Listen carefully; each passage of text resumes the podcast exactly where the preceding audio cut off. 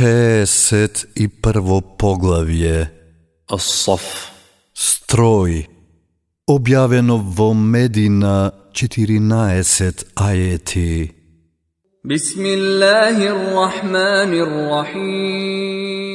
Во името на Аллах, се милосниот, милостивиот. Тоа што е на небесата и тоа што е на земјата го слави и го велича Аллах. Тој е силниот и мудриот. О, верници, зошто го зборувате тоа што не го правите? Многу е презрено кај Аллах да го зборувате тоа што не го правите.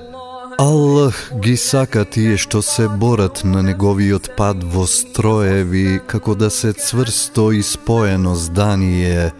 Кога Муса му рече на народот свој, О народе мој, зошто ме вознемирувате, а добро знаете дека јас сум ви Аллахов пратеник.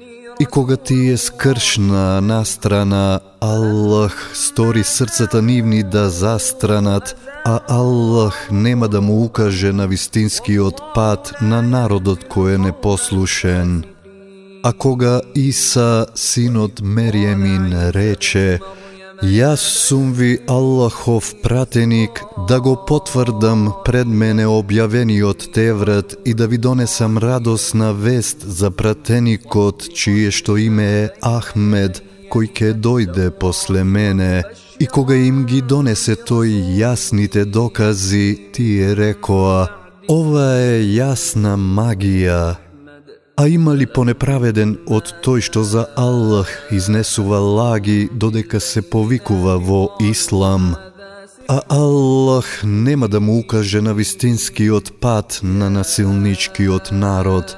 Тие сакаат да го изгаснат Аллаховото светло со устите своји, а Аллах го надополнува светлото свое, макар тоа и да го мразат неверниците.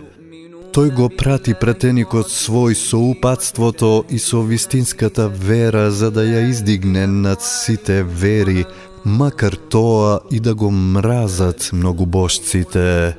О верници, сакате ли да ви укажам на трговијата која ќе ве спаси од болното страдање? Верувајте во Аллах и во неговиот пратеник, Верувајте и со имотите своји и животите своји на Аллаховиот пат борете се, да знаете тоа ви е подобро.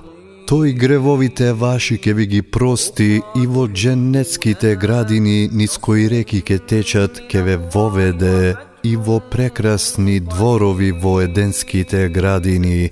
Тоа ке биде голем успех, а ке ви даде и друга благодат која што ја сакате. Аллаховата помош и блиската победа.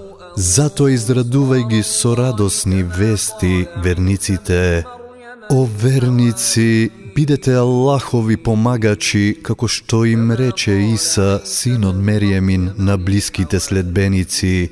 Кои се моите помагачи во повикувањето кон Аллах? Блиските следбеници одговорија, ние сме Аллаховите помагачи, па една група од синовите Израилови поверува, а другата не. Па тие што верува против непријателите нивни ги зајакнавме и тие победија. فأيدنا الذين آمنوا على عدوهم فأصبحوا ظاهرين.